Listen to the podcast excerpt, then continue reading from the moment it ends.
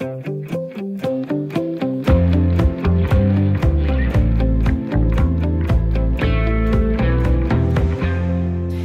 og velkommen til Selskabet på Radio 4. Eller i dag vil jeg faktisk hellere sige ni hao, for i dagens program zoomer vi ind på Kina, der er verdens største fabrikshal, som min gode kollega og medvært her på programmet Jens Christian Hansen sagde, da vi sad og planlagde udsendelsen i dag.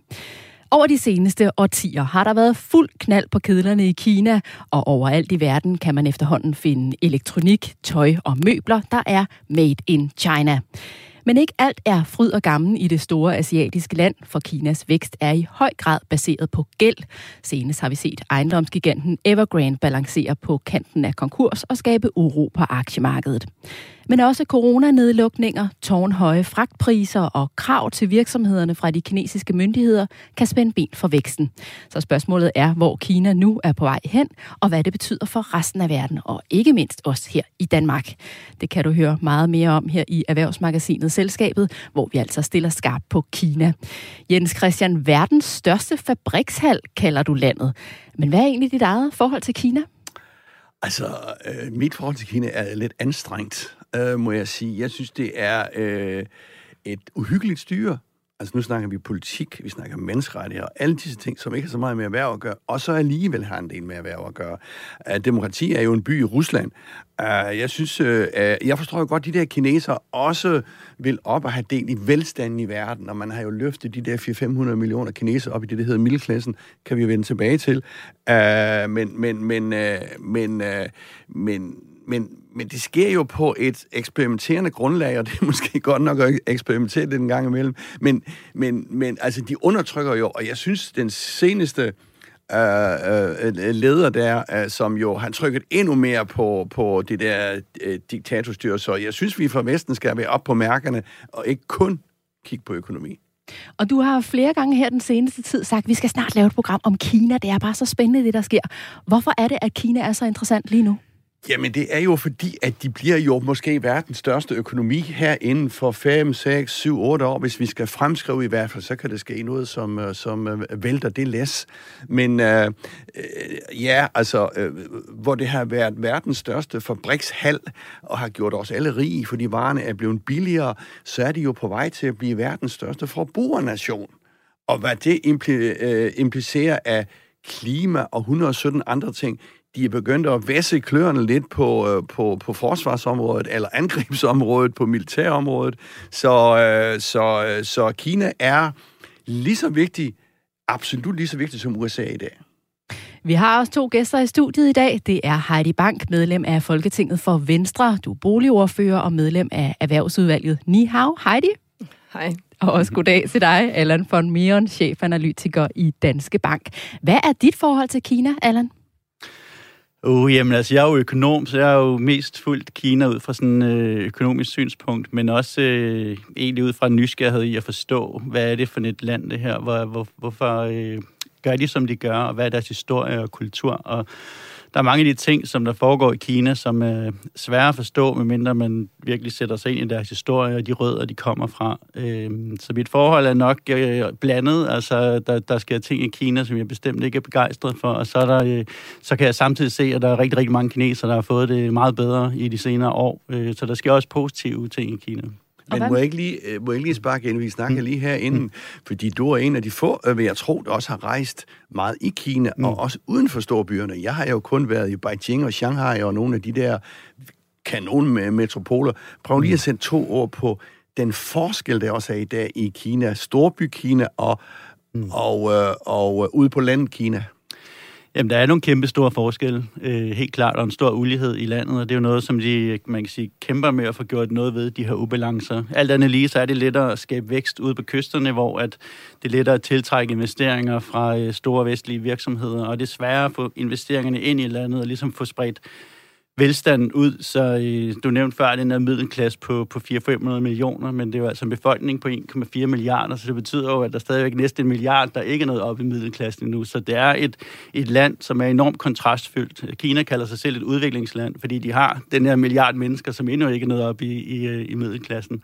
Mens vi i Vesten siger, at Kina er ikke et udviklingsland mere. Øh, bare tage til Shanghai og Beijing, det, er jo, det, det ser jo flot ud det hele. Så, øh, så det er svært at sætte et prædikat på, på Kina. Det er sådan en, en, en hybrid af alle mulige ting.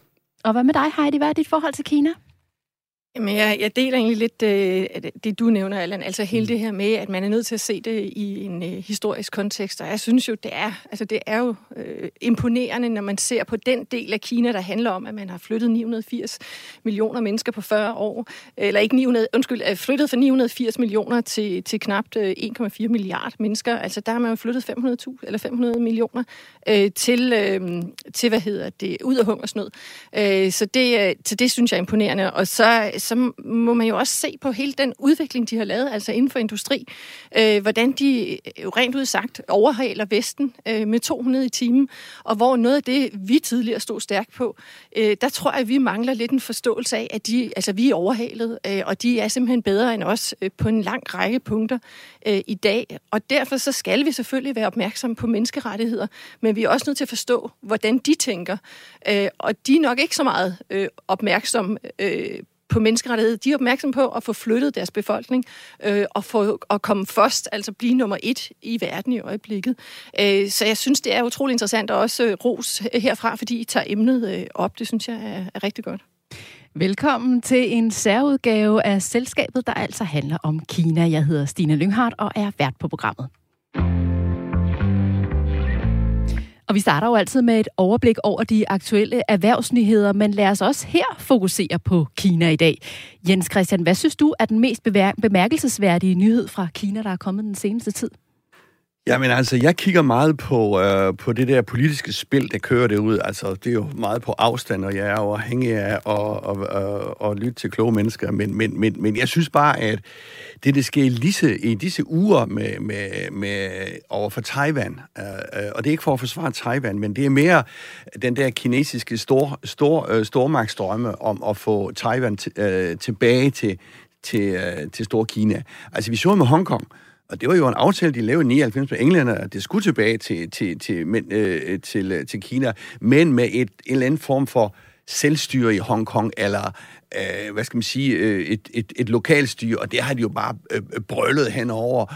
Og det var, har, har jo været en masse ballade, men vi har jo ikke rigtig gjort noget for Vesten, øh, fordi øh, det var jo sådan interne øh, kinesiske forhold, og øh, jeg har ikke hørt så meget fra Hongkong i de sidste seks måneder eller sådan noget, så jeg tænker bare på, at den bliver sådan lemmet ind, øh, og ligesom måske også Taiwan bliver lemmet ind.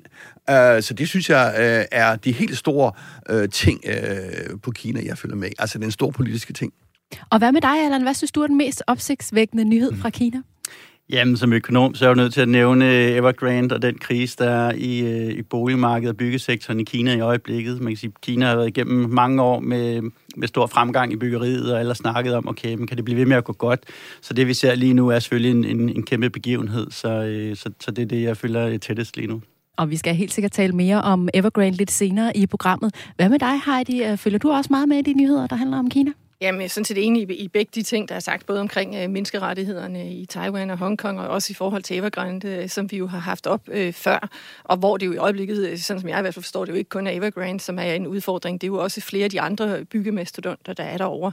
Men hvis man skal se på noget af det, som, hvor jeg ser nogle muligheder øh, for os, så er det jo i forhold til de meldinger, som Kina har lavet øh, på klima, og hvor at vi jo øh, har stærke aktører i erhvervslivet, øh, der bør kunne se nogle muligheder der. Øh, og, og det synes synes jeg er interessant, at man for Kina begynder at sige nogle klare målsætninger på, at man vil have en klimaneutralitet i 2060. Det håber jeg, det er noget, vi kan gribe her i Danmark og være med til. Ja, hvad giver det her muligheder for os? Jamen, det giver, det giver nogle muligheder for nogle af vores store erhvervsvirksomheder, som vi jo så stadigvæk skal huske, at se i kinesisk, øh, øh, hvad hedder det, i den kinesiske virkelighed jo ikke er store. Øh, men det giver jo trods alt nogle muligheder for, at man kan spille ind og prøve at se, om man kan komme ind og, og vinde nogle markedsandele øh, i Kina. Øh, og så tror jeg, at også sådan noget som fødevare øh, stadigvæk vil være noget af det, der er opmærksomhed omkring. Øh, men det er så knap så meget øh, klima. Lad os runde nyhedsoverblikket af her. Tak til alle tre. Jens Christian, forleden var jeg nede i min lokale pakkeboks og hente to svætter, jeg havde bestilt nu, hvor det er ved at blive koldere. Og svætterne kommer fra to forskellige danske tøjfirmaer. De er begge designet her i Danmark og sælges primært i Danmark. Men da jeg så kiggede på vaskemærket, stod der Made in China på dem begge to. Og det overraskede mig egentlig lidt, og så alligevel overhovedet ikke, for jeg ved jo godt, at det er meget billigere at producere derude. Men for at vi kan forstå, hvorfor så meget af det, vi køber herhjemme, er produceret i Kina, så skal vi lige skrue tiden tilbage. Prøv at fortælle, hvordan Kina så ud for omkring 40 år siden. Ja, det bliver altså meget overskrifter. Jeg skal ikke gå tilbage til de der berømte dynastier i Kina, sådan de sidste par tusind år. Øh, de sidste 400-500 er det jo det der Ming-dynasti og Qing dynasti, tror jeg det hedder. Men måske kunne man øh, slå ned på, på 2. verdenskrig, fordi der var Kina jo besat af Japan, og Japan og Kina har stadigvæk et lidt anspændt forhold, indimellem i hvert fald. Øh, og der dukkede ham der Mao Zedong op, Uh, senere kom det til den store øh, uh, mars, den lange mars, hvor, hvor kommunisterne sloges mod nationalisterne og smed Chiang Kai-shek over til Taiwan. Slås de også stadigvæk om. Uh, uh, Mao, han vandt, kan du sige, og han blev ligesom Øh, jamen, han blev vel ligesom en lidt landsfader for det nye, den nye kommunisme der, og han forsøgte at skifte Kina fra bundesamfundet til den første del af industrisamfundet. Så dør han i 76, og så kommer øh, Deng Xiaoping og virkelig sætter tryk på, jeg tror det er 78, og sætter tryk på de der reformer. Det er så 40 år siden, hvor de jo vil fastholde den øh, socialisme, kommunisme, eller hvad du vil kalde det, men med et klart markedsmæssigt, øh, markedsmæssigt øh, øh, islet. Og det er jo så det, det er eksploderet øh, over de sidste par årtier, og det eskalerer mere og mere i 80'erne, øh, 90'erne, sådan øh, hurtigt, men altså i, øh, i det nye århundrede jo sindssygt hurtigt. Hvad er det, der er sket? Hvad har de sat gang i? Jamen, de har jo sat gang i en global måde en ny global måde at tænke og producere på. Altså, man kan, man kan jo producere øh, sindssygt billigt. Altså, de sænkede jo, ikke sænkede, de havde lave lønninger i forhold til øh, øh, alle Vesten, så det kunne betale sig at flytte hele produktionen øh, ud til, øh, til Kina. Det er så senere ændret lidt. Vietnam og de andre lande er også kommet med nu. Men, men man kunne producere billigt, og det vil sige, altså alt muligt elektronik øh, koster jo det samme i dag, som det kostede for 20-30 år siden. Så det er jo også en del af vores rigdom. Og Allan, hvis man mm. kigger på Kina, så tænker jeg, at man ret tydeligt kan se øh, forandringen, altså med, med, med sit eget syn, kan man se forandringen derude. Hvad er det, der er sket de sidste årtier? Jamen, der er jo sket en kolossal udvikling. Altså, hvis man tager en øh, by som Shanghai, jamen, så øh, tilbage i slut 70'erne, der var det jo nærmest bare en, en stor åben mark. Øh, og i dag, der, der kan vi se øh, kæmpe højhus øh, og en totalt moderne by. Og det har vi set i, i rigtig mange dele af, af Kina der det er skudt op med, med byggeri og huse og ja, næsten noget af den bedste infrastruktur, vi har i verden i dag, med masser af højhastighedstog. Du kan komme fra Beijing til Shanghai på, på tre timer hurtigere, end du kan flyve egentlig. Øh. Så, så, så tingene har udviklet sig i, i en kolossal hastighed. Og hvordan har de formået at bare lige bygge så mange ting? Jamen altså, de har skælet meget til, til det, man kalder tier-økonomierne, som, som udviklede sig meget hurtigt fra øh, fra øh, 60'erne og fremad, så det var Sydkorea, Taiwan, Singapore, øh, Hongkong, som egentlig fulgte den her model med at åbne op lidt, lidt tænkt på økonomien som en virksomhed. Okay, hvor har vi vores komparative fordele? Jamen, vi har en stor arbejdsstyrke, billig arbejdskraft. Lad os starte der, åbne op, få produktion flyttet til Kina, og så bruge de penge, vi får ind derfra, til at investere i landet, til at investere i infrastruktur, som så igen gør det endnu mere attraktivt at investere i Kina lave markedsreformer, så, øh, så folk får et incitament til at, at få gode idéer og, og udvikle landet på den måde. Så, så en lang række forskellige ting, fokus på uddannelse, teknologi, øh, alle de ting, som man egentlig godt ved kan skabe udvikling. Det, der bare er afgørende tit for landet, om det udvikler sig eller ej, det er, om du har en, en ledelse, som, som virkelig har som mål nummer et at udvikle landet. Og det var det, Sydkorea havde. Øh, det var det, man havde i Singapore. Og det er det, som, som øh, Kina i høj grad øh, skilede til, da, da Deng Xiaoping kom til, hvor at man lidt gik fra, at havde fokus på klassekampen. Øh, der var en meget stor lighed, men det var fordi alle var, var meget fattige. Øh, og der sagde Deng Xiaoping, da han kom, jamen altså, det gør ikke nogen, noget, at der er nogen, der bliver rige først. Øh, målet er, at vi alle sammen skal få det bedre. Men hele den der, det der skift i mentaliteten, da han kommer til, det er dybest set det, der kickstarter alt det, vi har set siden. Allan, jeg kunne godt lige tænke mig at spørge dig om, øh, nu kender du øh, Kina så godt, fordi vi har jo for eksempel, øh, nu er det erhvervsmagasin det her, vi har jo ledere, der ligesom står på, øh, på ryggen af andre ledere igennem 100 år, altså man ligesom udviklet nogle ledersystemer. Mm. I Kina har de jo også ledere, og de har ligesom skulle udvikle sig selv, eller mm. kigge lidt til Vesten, og alligevel, øh, kan du prøve at sætte nogle ord på de der kinesiske erhvervsledere, øh, hvordan de tænker? Jamen altså, de er øh, benhårde forretningsfolk. Altså, det er øh, kineser øh, generelt. Øh, så, så, og, og rigtig mange kineser har jo studeret på amerikanske universiteter og lært, øh, kan man sige, håndværket. Og, øh, og Kina generelt øh, ændrede sig også lidt fra at tidligere at være meget lukket og, og kigge ind af. Så sagde de, okay, der er en masse, vi kan lære ude i verden, så lad os se på, hvordan gør man i de store virksomheder i USA, hvordan udvikler man landene. Øhm, og den der åbenhed og, og villighed til at lære udefra, den har altså gjort, at, at man har udviklet sig. Og, og det gælder både i, i virksomheder i, i toppen og, øh, også i økonomien og regeringen som helhed. Så de har topmoderne, hvis man kan sige det sådan, erhvervsledere i dag? Ja, det har de Som bestemt. Øh, kan øh, lægge nogle visioner 10 år frem i tiden, osv. osv. Absolut. Altså, øh, og det er jo der, hvor at der er jo en kolossal innovation i dag faktisk i Kina. Øh, så man nogle gange siger, jamen Kinas system, det, det spænder ben for innovation, men, men der er sådan set en stor frihed til inden for det økonomiske felt til at udvikle virksomheder og få gode idéer. Øh, der er ikke den store politiske frihed, men, men det, der er det sidste en driver kreativitet, det er sådan set muligheden for at kunne tjene penge. Og, øh, og dem er der masser af muligheder i et land med, med 1,4 milliarder mennesker, og, øh, og der er altså et utrolig øh, dynamik i, i mange dele af økonomien i Kina i dag. Men, men altså, det er jo også det der skisma, ikke? mellem at du har et kommunistisk styre på den ene side, mm. og så bare kapitalisme for fuld udblæsning. Ja. Øh, fordi det er jo egentlig lidt det er jo egentlig det, det rum, de spiller øh, lidt i. Øh, og, og det er jo også altså, det er jo fuldstændig rigtigt, som du siger, det her med, at der er utrolig mange øh, meget, meget veluddannede, også langt mere veluddannede, end vi, end vi faktisk har i Danmark. Øh, og, og det er jo med til, sådan, sådan som jeg læser det, at, at give, øh, give den her enorme innovation, også hvor de jo har lykkes med at, at overhale øh, også på en række punkter. Altså, vi jo ikke nødvendigvis har de produkter, de står og efterspørger, for de er foran på, altså på teknologi og nogle af alle de her øh, områder, samtidig med, at de har øh, billig arbejdskraft. Mm. Øh, så, så hvad gør vi? Altså, hvis, øh, hvis du tænker... Øh, fordi vi taler om meget menneskerettigheder tit, når vi taler Kina, og vi taler om Hongkong, vi taler om Taiwan politisk. Øh, mm.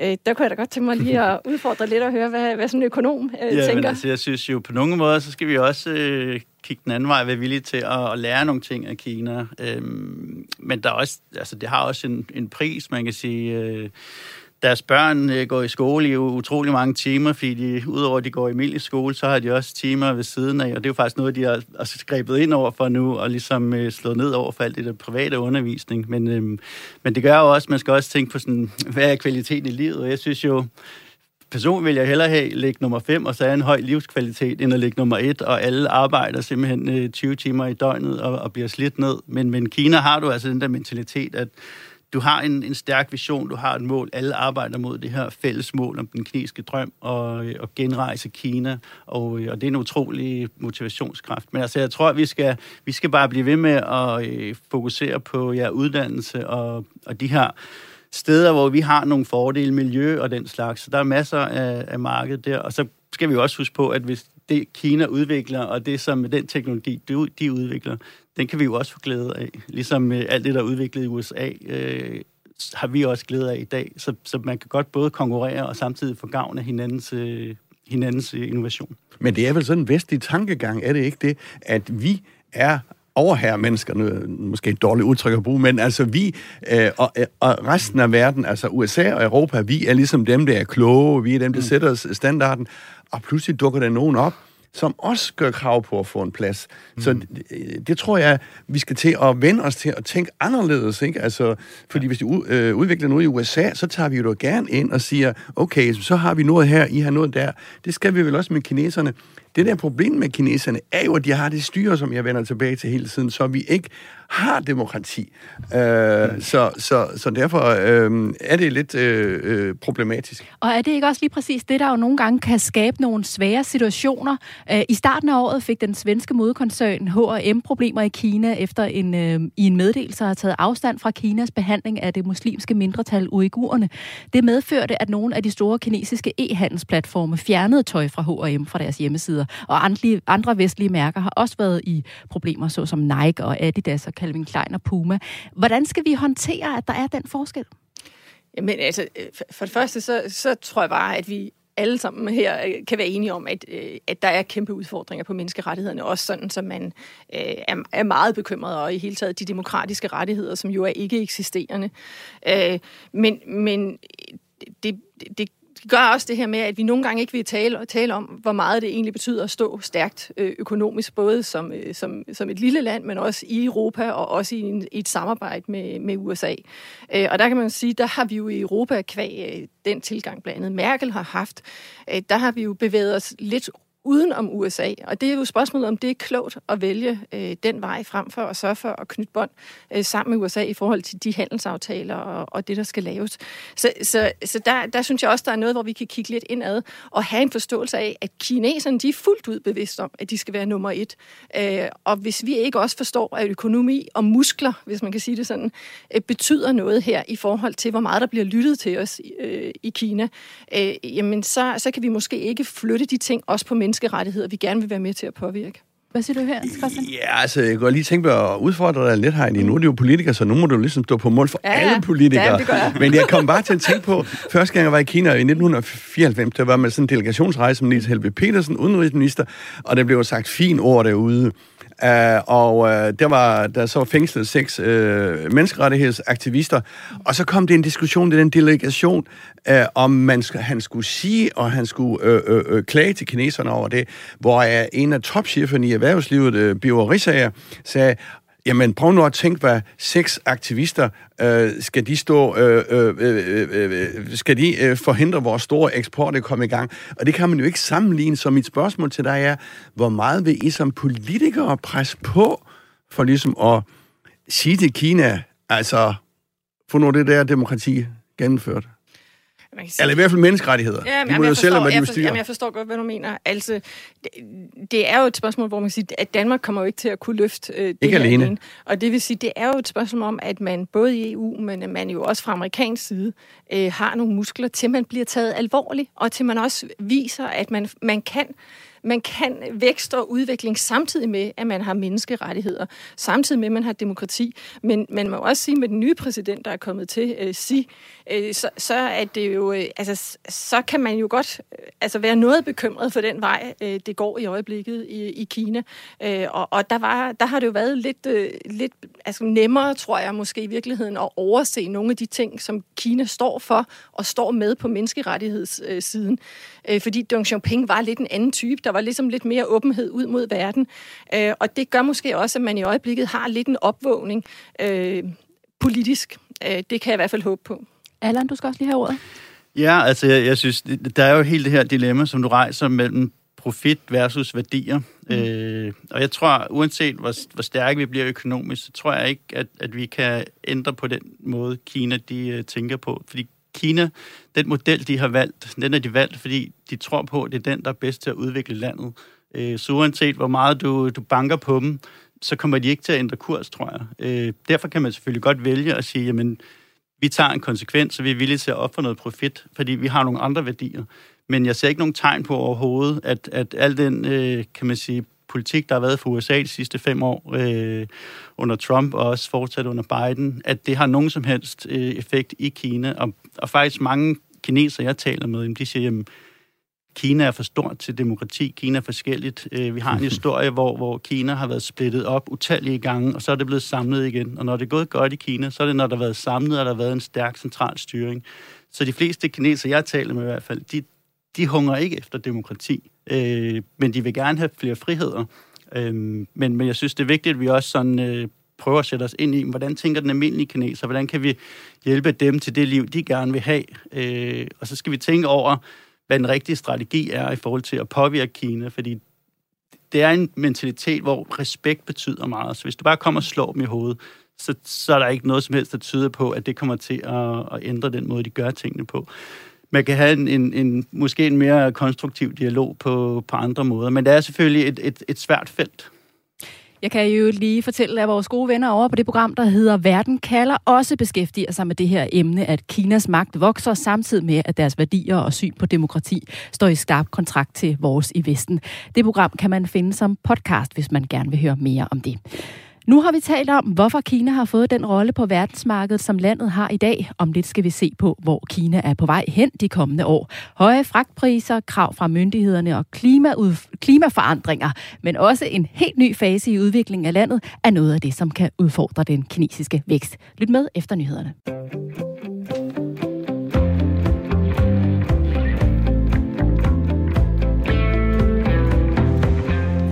Du lytter til Erhvervsmagasinet Selskabet på Radio 4. I dag stiller vi skarpt på Kina, som over de seneste årtier har været igennem en enorm udvikling og vækst. Og i dag er rigtig mange varer over hele verden made in China. Men spørgsmålet er, om Kina vil blive ved med at være verdens største fabrikshal, og hvilke farer der ligger og lurer i fremtiden. Det tager vi op i panelet her i anden del af dagens program. Jeg hedder Stine Lynghardt og er vært sammen med erhvervskommentator Jens Christian Hansen. Og vores gæster er i dag Heidi Bank, medlem af Folketinget for Venstre, boligordfører og medlem af Erhvervsudvalget, og Allan von Meeren, chefanalytiker i Danske Bank. Men inden vi skal tale om fremtiden for Kina, skal I gætte med på ugens quiz, og den handler selvfølgelig også om Kina. Noget af det, som kineserne er mest vilde med her fra Danmark, det er hverken sild, stærk lakrids eller robrød. Nej, det er H.C. Andersen. Man kan finde hans eventyr i alt lige fra den lokale kiosk til boghandlere og biblioteker, og de er også en del af pensum i de kinesiske skoler. Og vores nationalklenodie, den lille havfru, som normalt sidder på sin sten i vandet ved Lange Linje i København, har vi endda lånt ud til Kina for at repræsentere Danmark på verdensudstillingen i Shanghai i 2010. De er altså meget begejstrede for den danske forfatter i Kina. Men det, jeg gerne vil have svar på, det er, hvornår blev det første eventyr af H.C. Andersen oversat til kinesisk. Og Jens Christian, du skal få, nok få nogle valgmuligheder. I får tre valgmuligheder. Tror I, det var i 1914? Var det i 1934? Eller 1954? Hvad siger du, Jens Christian? Øh, så går jeg hen til nyere til 1900 og... Nej, jeg springer op. 1914. Den første af dem. Og hvad siger du, Allan? Ja, den tager jeg også, tror jeg. Jeg tror ikke, det var under Mave. Øh, Nej, jeg tror også, det er 14. 1914. Og hvad siger du, Heidi? Ja, jeg tror, det er 54. Du tror, det er i 54. Jamen, vi har så faktisk to vinder her i studiet. Damn. Det var Allan og Jens Christian, der begge svarede 1914. For det var i 1914, at det første eventyr af H.C. Andersen blev oversat til kinesisk. Altså for mere end 100 år siden. Det var eventyret Kejserens nye klæder, som blev oversat først. Men i dag kender kineserne altså en lang række af de berømte eventyr, fordi de læser dem i skolen. Hvad betyder det egentlig for et lille land som Danmark, at vi har fået, formået at få dem til at elske en af vores store forfattere? Hvad siger du, Heidi? Jeg synes, vi skal, vi skal jo bare være stolte af det. Øh, og så gør det jo, at de har et kendskab øh, til Danmark, som øh, i hvert fald nogen har et kendskab. Jeg tror, man skal nok heller ikke trods alt overdrive betydning af, at de forstår, at det er en dansk øh, forfatter nødvendigvis øh, i alle i alle led i Kina. Men det synes jeg, vi skal være stolte af. Øh, og, øh, og så skal man jo prøve at se på, hvordan man kan få mere til at drøbe for det, øh, så vi ikke kun er kendt for hos Andersen. Hvilke andre danske brands er stærke i Kina, Allan? Ah, det er Lego blandt andet. Øh, der er et kæmpe marked for, for Lego, øh, fordi at kineserne, de, øh, mange af dem får stadigvæk kun et barn, selvom de må få to nu. Øh, og de bruger rigtig mange penge på det ene barn, øh, på alle mulige måder, så de vil have det bedste til deres børn. Så jeg ser, at ja, Lego er et stærkt brand, og jeg ser et ret godt marked for dem der. Ja. Jens Christian, hvorfor tror du, det er hos Andersen, at kineserne har kastet deres kærlighed på? Ja, det kunne jo tænke sig være, det er fordi, det er en god historie. Mm. Helt basalt en god historie. Men må jeg ikke lige sige om de der brands, altså, det kan være, at vi kommer med ind på de der danske, og det er jo selvfølgelig Lego, det er jo dansk. Altså man kan jo sige, Novo Nordisk, det tror jeg ikke, de ved, øh, er, er dansk, men, men, men man kan jo sige, med den store øh, forhøjet levevis, de får derude, så bliver det jo tykkere og tykkere, så de får brug for Novo Nordisk øh, øh produkter. Novo er faktisk øh, ret stor derude bestseller er jo kæmpestor derude. Jeg tror ikke, de ved, at tøjet øh, bestseller øh, er, er dansk, men det er jo også ligegyldigt øh, sådan i en kommersiel øh, sammenhæng. Men, men, men, øh, men ellers har vi jo nogle stolte traditioner tilbage. Stor nordisk telegraf, det der hedder GN Stor Nord i dag, de har været derude i 100 år.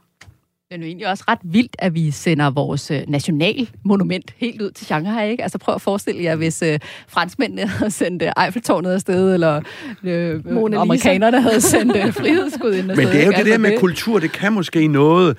Altså i Kina, vi har jo vores store badmintonstjerne, øh, Victor Axelsen, så man kan jo sige, hvad er bedst til at bryde øh, og, og, og få øh, snakker i gang? Er det altid sådan en kommersiel øh, ting? Eller er det sådan, når de sidder til middagerne, Victor Axelsen som kan snakke mandarinsproget, mm. ikke? Altså, er han måske vores vigtigste øh, eksport, øh, hvad skal man sige, øh, fremstød i Kina jo, i disse år? Det er jo rigtig godt set af ham også, fordi man kan sige, øh, kinesere øh, generelt i dag er lidt under beskydning, så de kan godt lide, hvis folk de rent faktisk viser respekt for deres kultur, og hvis du ligefrem lærer deres sprog, som er et svært sprog, jamen så, øh, så er det noget, der scorer point. Men det vil også, altså jeg har boet i, i Budapest på et tidspunkt, og noget af det, som, som jo er lidt øh, sjovt, og som er sådan en, en ting fra kommunismen, det er jo det her med, at ting, der er lidt ufarlige, kan man godt beskæftige sig med. Og man kan sige, at H.C. Andersens eventyr er jo i den sammenhæng lidt ufarlige. Altså, og derfor er det jo også måske det der netop med venlig kultur, hvis man kan kalde det det. Det er jo, det er jo, det er jo en god måde at åbne mm. døre, fordi at det, det er ikke noget, hvor man støder hinanden. Det er, det, det er en venlig måde at, at hilse hinanden på. Ikke? Øhm, så Tillykke til både Allan og til Jens Christian, som altså vandt denne uges quiz. For et par uger siden skabte det uro på aktiemarkedet i hele verden, da det kom frem, at den kinesiske ejendomsgigant Evergrande var på randen af konkurs. Selskabet har en gæld på 1.900 milliarder kroner, som svarer til næsten hele Danmarks bruttonationalprodukt. Og dermed er Evergrande verdens mest forgældede ejendomsvirksomhed. Jens Christian, hvorfor er det, at en enkelt virksomhed kan skabe så stor uro? Øh, jamen for det første er, har den jo en vis øh, størrelse, og det der øh, aktiemarked er altså et sårbart øh, marked. Nogle gange så er de i godt humør, andre gange er de i dårligt humør, humør og, så, og, og så er der sådan ligesom selvforstærkende noget hen ad vejen. Den her fylder så meget. Jeg tror frygten for, at så stor en en, øh, en spiller, øh, godt nok på det kinesiske marked, skulle falde sammen, gav mindelser om, om øh, finanskrisen i 2008, som også var en gældskrise langt hen ad vejen. Så jeg tror, det var sådan noget, der bredte sig som ring i vandet ind til øh, den kinesiske stat, og så er vi tilbage ved, ved det gode ved det her, hvis man kan sige noget gode ved, ved, ved den kinesiske stat, går ind og vel sikre, at det ikke brager sammen øh, ukontrolleret. Er det ikke, øh, kan man ikke sige det sådan, Allan? Altså det, der er lidt overraskende lige nu måske, er, at de faktisk er meget tilbageholdende, og vi ser stadigvæk øh, et høj grad af stress i, i markedet i Kina. Ikke så meget i aktiemarkedet, som allerede er faldet meget, men måske ikke på markedet for øh, kreditobligationer, der hvor alle de andre ejendomsselskaber også skal ud og hente deres penge, der er renterne altså steget meget, meget voldsomt fra sådan 7-8 procent, og nu er de oppe i 20 procent, øh, og bare nærmest steget øh, dag for dag. Så der ligger stadigvæk en masse stress under overfladen, men det, det har ikke rigtig ramt overskrifterne. Fordi tror jeg, at der er den der tillid til, når jamen, staten kommer ind, inden det går helt galt, så kommer de ind, og så, øh, så spænder de sikkerhedsnet ud under det. Hvor tror du, det lander, Allan? Jamen, jeg tror, at staten kommer ind på et tidspunkt, fordi det her, det kan have kæmpe store konsekvenser, hvis ikke de, de skrider ind. Altså, tilliden alle steder er væk nu til at tåle låne penge til de her ejendomsudviklere. Og det vil sige, hvis ikke de kan få lån, jamen så drejer de jo nøglen om før eller siden. Og vi ved med den her type krise, sådan var det under Lehman, når, når tilliden er væk i systemet, så er det staten, der skal ind og ligesom være dem, der, der sætter en prop i og siger, okay, vi vil gerne låne penge til bankerne, øh, som det var tilfældet i Lehman, så de ikke gik ned. Øh, og under eurogældskrisen, jamen der var det den europæiske centralbank, der sagde, jamen vi skal nok sørge for, at Spanien ikke øh, går konkurs. Jamen så tror folk godt igen køb spanske obligationer, og den her gang, der sidder man og venter på, at, at staten i Kina ligesom går ind og siger, okay, vi låner penge til de her ejendomsudviklere, og så, så vil folk gerne købe obligationer, der giver 20% i rente, men de tør ikke endnu, for de ved ikke, om den skal hedde 25% eller 30%, før, øh, før hjælpen ligesom kommer. Så lige nu, der, øh, der er stadigvæk stress i systemet, og man sidder lidt og venter på, hvornår, hvor længe tager de lade det her køre i Kina, før de ligesom skrider ind. Og det her med, øh, med Evergrande, bliver det ligesom et, et udtryk for, at, øh, at det kan skabe problemer, det her med, at Kina baserer sin vækst på gæld? Ja, altså det, man kan sige, man har snakket meget om den her gæld i rigtig, rigtig mange år, og man har også snakket om en boligboble i Kina, og det kan ikke blive ved at gå godt. Så selvfølgelig nu, når vi så ser problemer i boligmarkedet, så frygter man, okay, er det her det store krak, vi kommer til at se i, øh, i Kina? Øh, men det hører også med til historien af den her høje gæld. Altså, der er jo også nogle øh, aktiver bag. Det er jo ikke nødvendigvis kun skidt at stifte gæld, hvis det rent faktisk bliver brugt til at investere i nogle ting, som, øh, som har en værdi. Øh, så så længe, at øh, altså, hvis du har et hus og har en høj gæld, jamen hvis huset er mere værd end din gæld, så er det sådan set ikke noget problem. Problemet er, hvis, hvis du har investeret i noget, som, som ikke øh, tjener pengene hjem igen, så, øh, så får du en masse tab lige pludselig.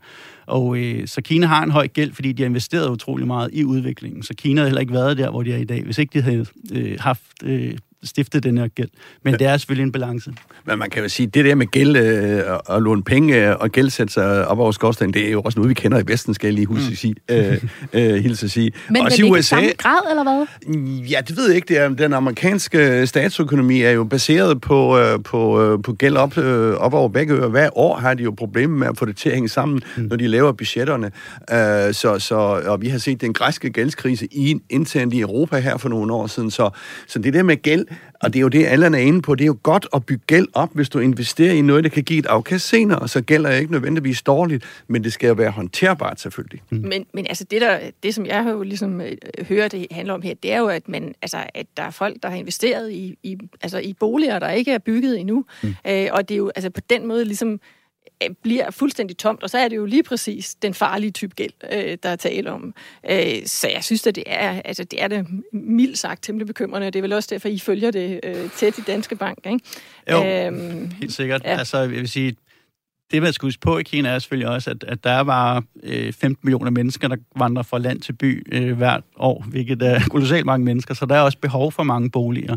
Øh, men problemet er, at der er rigtig mange kinesere, der har to boliger. En, de mm. bor i, og så en, de bare har købt som investeringsobjekt. Mm. Øh, og det er klart, det er ikke holdbart i længden. Øh, når man engang er færdig med den her urbanisering, så dur det jo ikke, at man så pludselig har øh, rigtig mange boliger, som, som står tomme, hvor folk siger, okay, nu er, nu er det her overstået, så sælger, så sælger vi alle sammen vores boliger, fordi så falder priserne markant. Og det er jo det, som Kina er begyndt allerede for fem år siden at begynde at sige det her med en bolig, og det altså til at bo i, det er ikke til at spekulere i. Og, øh, og derfor har de lavet nogle opstramninger de sidste par år, og det er dybest set de opstramninger, der nu har skabt den her krise. Og kunsten er for dem så ligesom at, de har brug for krisen et eller andet sted, for at få disciplin i systemet, men de skal selvfølgelig passe på, at krisen ikke løber med hende, fordi så kan det gå rigtig galt. Så du, altså, du mener, at de kunne være ude i, at de faktisk skal lempe på det, eller hvad?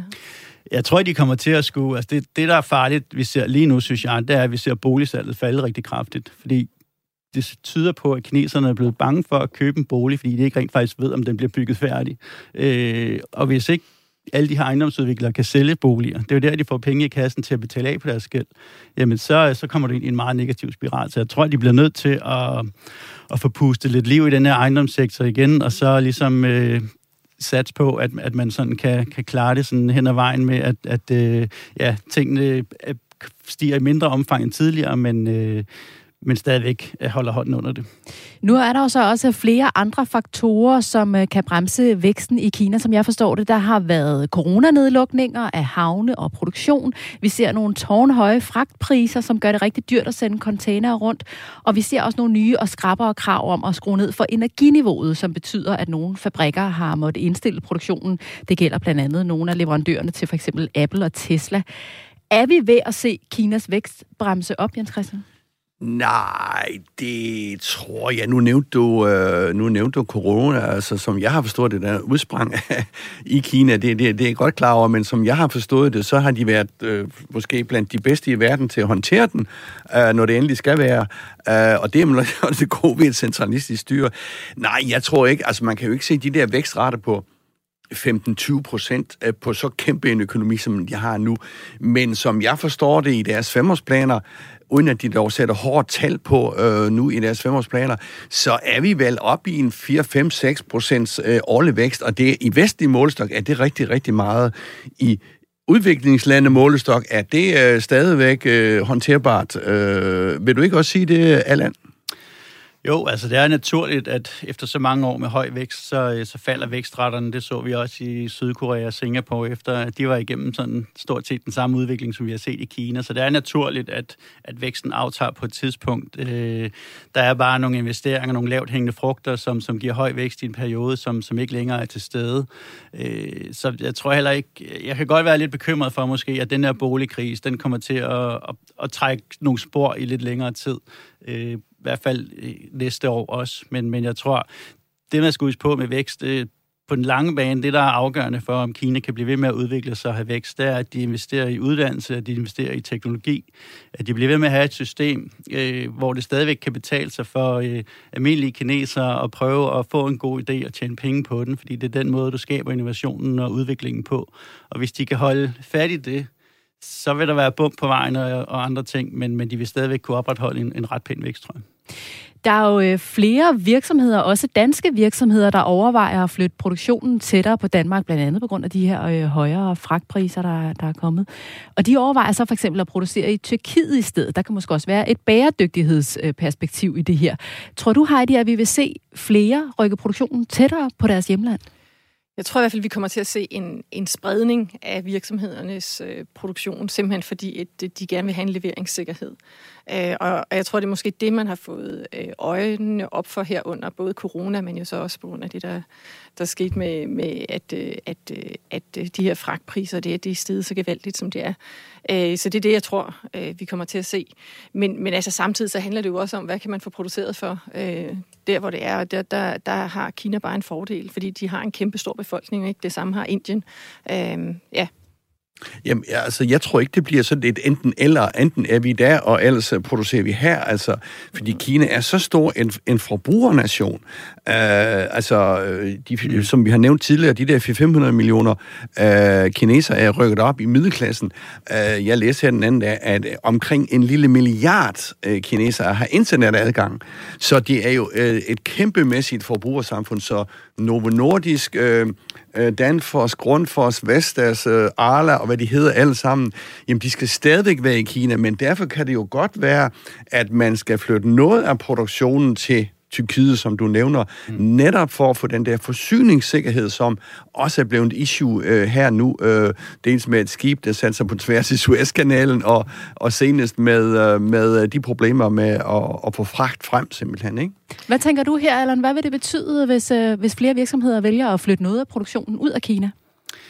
Jamen, det er egentlig en tendens, der har været igennem øh, flere år. Jeg tror også, vi vil se et flow begge veje. Vi vil se investeringer gå ud af Kina, og nogle af dem vil flytte ud i andre dele af Asien, hvor de har lavere lønninger, og nogle vil flytte mod Europa for, på grund af forsyningssikkerheden.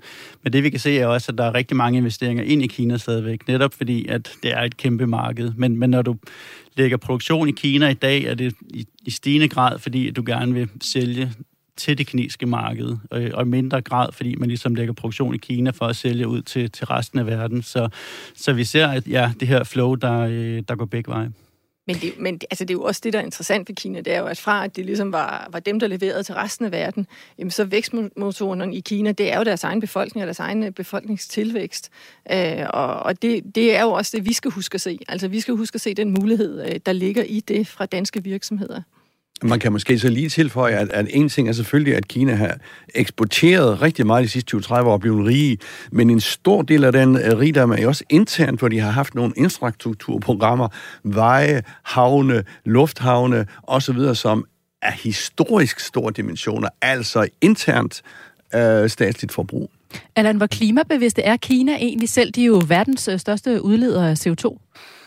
Ja, altså jeg vil sige, de første 30 år af deres udvikling, der var det meget lidt fokus, de havde på miljø og klima. Der handlede det primært om udvikling og vækst og få folk ud af fattigdom. Øh, men, men det havde også nogle ret katastrofale konsekvenser, må man sige. Altså forureningen i Kina blev kolossal, og er den i, i høj grad stadigvæk.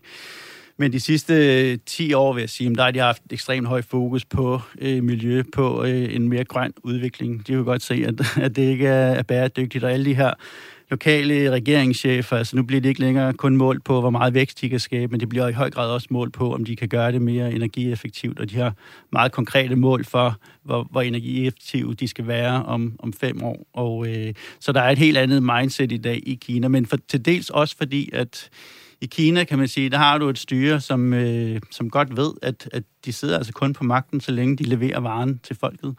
Og de laver et hav af undersøgelser og spørger folk om, øh, hvad, hvad er jeres største problemer. Øh, og der er miljøet altså kravlet op øh, helt i top sammen med, med korruption. Øh, så det er et, et område, som de prioriterer rigtig, rigtig højt. Og hvor vigtigt er det, Heidi, at de prioriterer klimaet højt for hele verden? Jamen altså, man kan jo sige, at vi har jo en, en jordklode, der er under ekstrem pres, ikke? så det her det er jo noget, der skal løses, øh, og, og det, er jo ikke, det er jo ikke nok, at vi gør det i Vesten, men der har vi jo altså også nok at se til med overhovedet at levere på, på de mål, vi har sat. Øh, så det er klart, at Kina som den verdens største udleder, øh, de, de skal også, men det er jo altså også vigtigt at huske på, altså hvis du ser den kinesiske befolkning, så er det jo cirka halvdelen af en kinesiske borger udleder i forhold til den amerikanske, men det er jo fordi volumen er så enorm i Kina, at, at det er ekstremt vigtigt, at de kommer med. Jeg synes lige, det er rigtigt, som øh, Heide siger, eller bare lige understrege det der, at man kan sige, at Kina, nu må jeg så tage sammen og, og, og, og, og gøre noget for klimaet, det er også rigtigt nok. Men vi danskere, vi udleder altså mere per person end, mm. øh, øh, end den enkelte kineser. Det skal man måske lige huske på, Præcis, inden man øh, bliver alt for høj i hatten. Det er jo også fordi, en, en stor del af de varer, vi forbruger, dem har vi så valgt at få produceret i Kina, som jo så også øh, er der, hvor forureningen af de produktion af de varer sker. Jo, jo, og det er jo også det, vi taler om, det der med, at når vi flytter vores forurening, forurening. Altså det der mm. med, at man kan stå og, og, og se, se, se rene ud her, men så har man sådan set bare lagt forureningen øh, et mm. andet sted. Ikke? Og det er jo derfor, at, øh, at det vi jo også politisk taler om, det er jo det her med, at, øh, at vi er jo nødt til at se det her globalt, globalt mm. for at vi lykkes. Men, men jeg synes, det er, det er stærkt bekymrende, fordi vi ser... Altså på den ene side, så har vi det her med, at vi har drømt om at få mennesker ud af fattigdom. Og når de kommer ud af fattigdom, jamen, så begynder de at forbruge. Og så har vi den her klimapåvirkning. Så det er jo, det er jo et mærkeligt sted på det punkt, vi, vi er. Jeg kunne godt tænke mig lige at bruge de sidste minutter her af programmet på at tale lidt mere om, hvor det er, Kina står lige nu, og hvor de er på vej hen. Allan, jeg ved, at du vil beskrive Kina som værende i en ny fase af udvikling. Prøv lige at opsummere, hvor er det landet er på vej hen lige nu?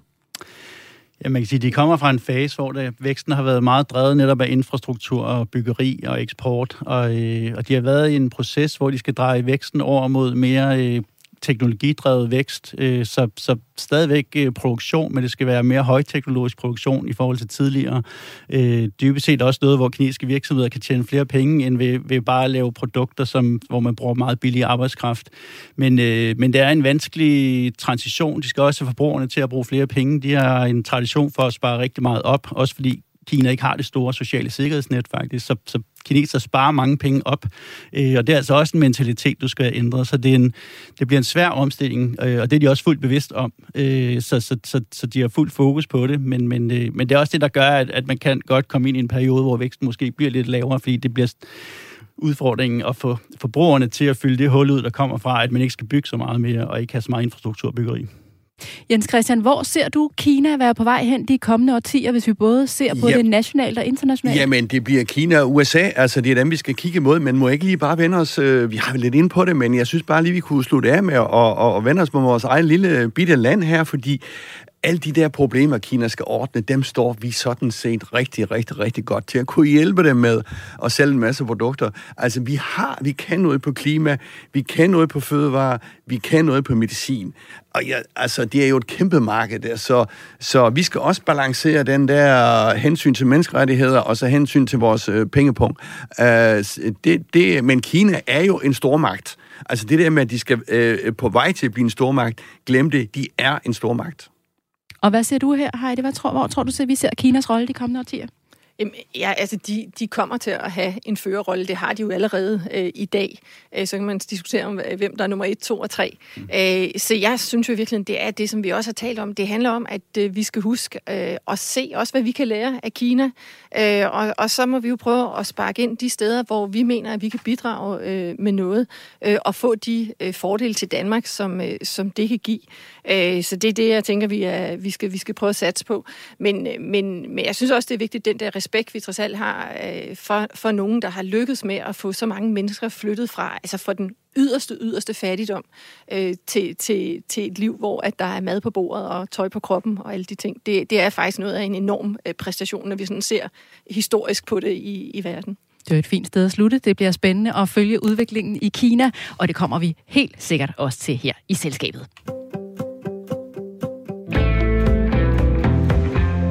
Vi kan lige nå at kaste et blik på den kommende tid, inden vi runder programmet af. Jens Christian, hvis vi lige fortsat holder øje med Kina, hvad venter du så på at høre mere om derudfra? Jamen, øh, jeg kan måske slutte der, hvor jeg startede. altså, det, det, det er altså det politiske, fordi, øh, altså, det synes jeg, øh, øh, nu må vi så se, hvad det ender med, øh, i, og hvor hårdt.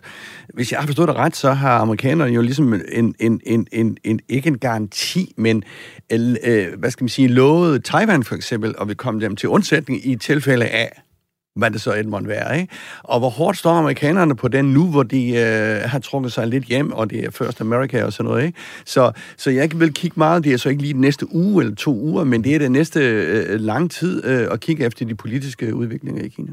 Hvad holder du i øje med, Allan? Er det Evergrande? Ja, det er det i hvert fald på det økonomiske område. Ikke? Jeg, vil sige, jeg holder også meget øje med, med ting, hvad der foregår omkring øh, Taiwan og, øh, og den udvikling, og hele spændingsfeltet mellem øh, USA og, og Kina, fordi øh, ja, dels er det vigtigt for verden, hvordan øh, de to stormagter, de kommer til, og den relation, de kommer til at have, øh, men det påvirker selvfølgelig også den økonomiske udvikling. Og hvad med dig, Heidi? Hvad holder du øje med derudfra? Jamen, jeg, jeg synes jo virkelig, det er meget den øh, klimadagsorden, øh, som, øh, som, hvor vi også kan være med til at bidrage og flytte noget øh, positivt. Og igen, øh, den her vinkel på, øh, på den globale omstilling, som er nødvendigt, øh, og hvad vi kan levere her fra Danmark, øh, der kan spille ind. Og for eksempel nu bare sådan noget, som vi jo har haft den her øh, øh landbrugsaftale, øh, det her med, at vi kan være med til at prøve at påvirke, at den fødevareproduktion, vi får, øh, bliver mere øh, klimavenligt. Det, det synes jeg øh, kunne være ret smukt, hvis vi kunne være med til det. Tak til vores gæster, Heidi Bank, medlem af Folketinget for Venstre, og Allan von Meeren, chefanalytiker i Danske Bank. Og tak til dig, Jens Christian. Vi ses igen på næste onsdag. Programmet her var produceret af Beam Audio Agency for Radio 4. Tak fordi du lyttede med.